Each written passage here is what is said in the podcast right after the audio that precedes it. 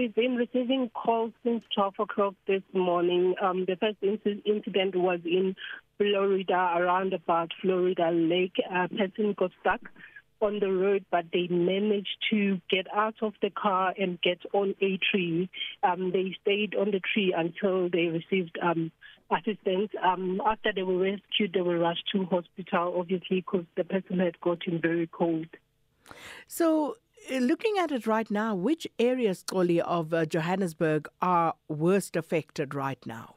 Right now, it's really difficult to single out one area. It's just the entire Soweto, the southern parts of Joburg. Um, but our teams have been busy in Naledi, Dlamini, Kliptown, Klipspruit, and Naledi. They have just rescued three people that had a house submerged in water. They couldn't even walk into the house. They had to get a crook and the small boats to get the people out. But the people are safely taken out of the house now. And nobody had to um, be rushed in hospital. Also in Naledi, an elderly lady had to be rushed to hospital. A wall had fallen off there and she was trying to get on top of um, the outside toilet to, to, to, to get to safety. But uh, she allegedly drank um, well dirty water and she was rushed to hospital. It sounds absolutely terrible at the moment, Oli, but just in That's terms of hectic.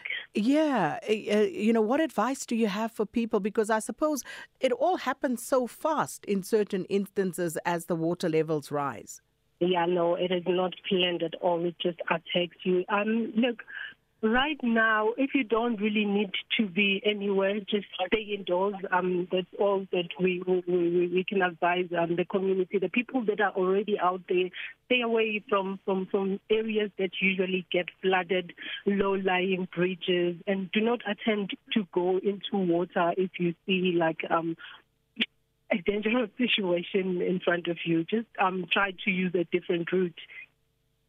And Collie, the weather services, uh, they forecasting more thunder showers uh, this afternoon.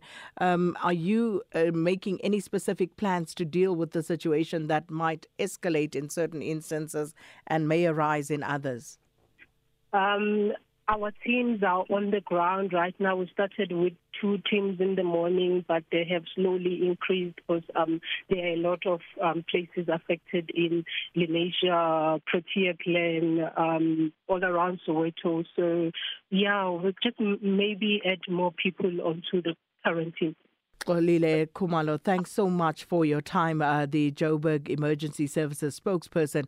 Please, people, take it easy. As Olile said, if you don't have to be out, then don't go out.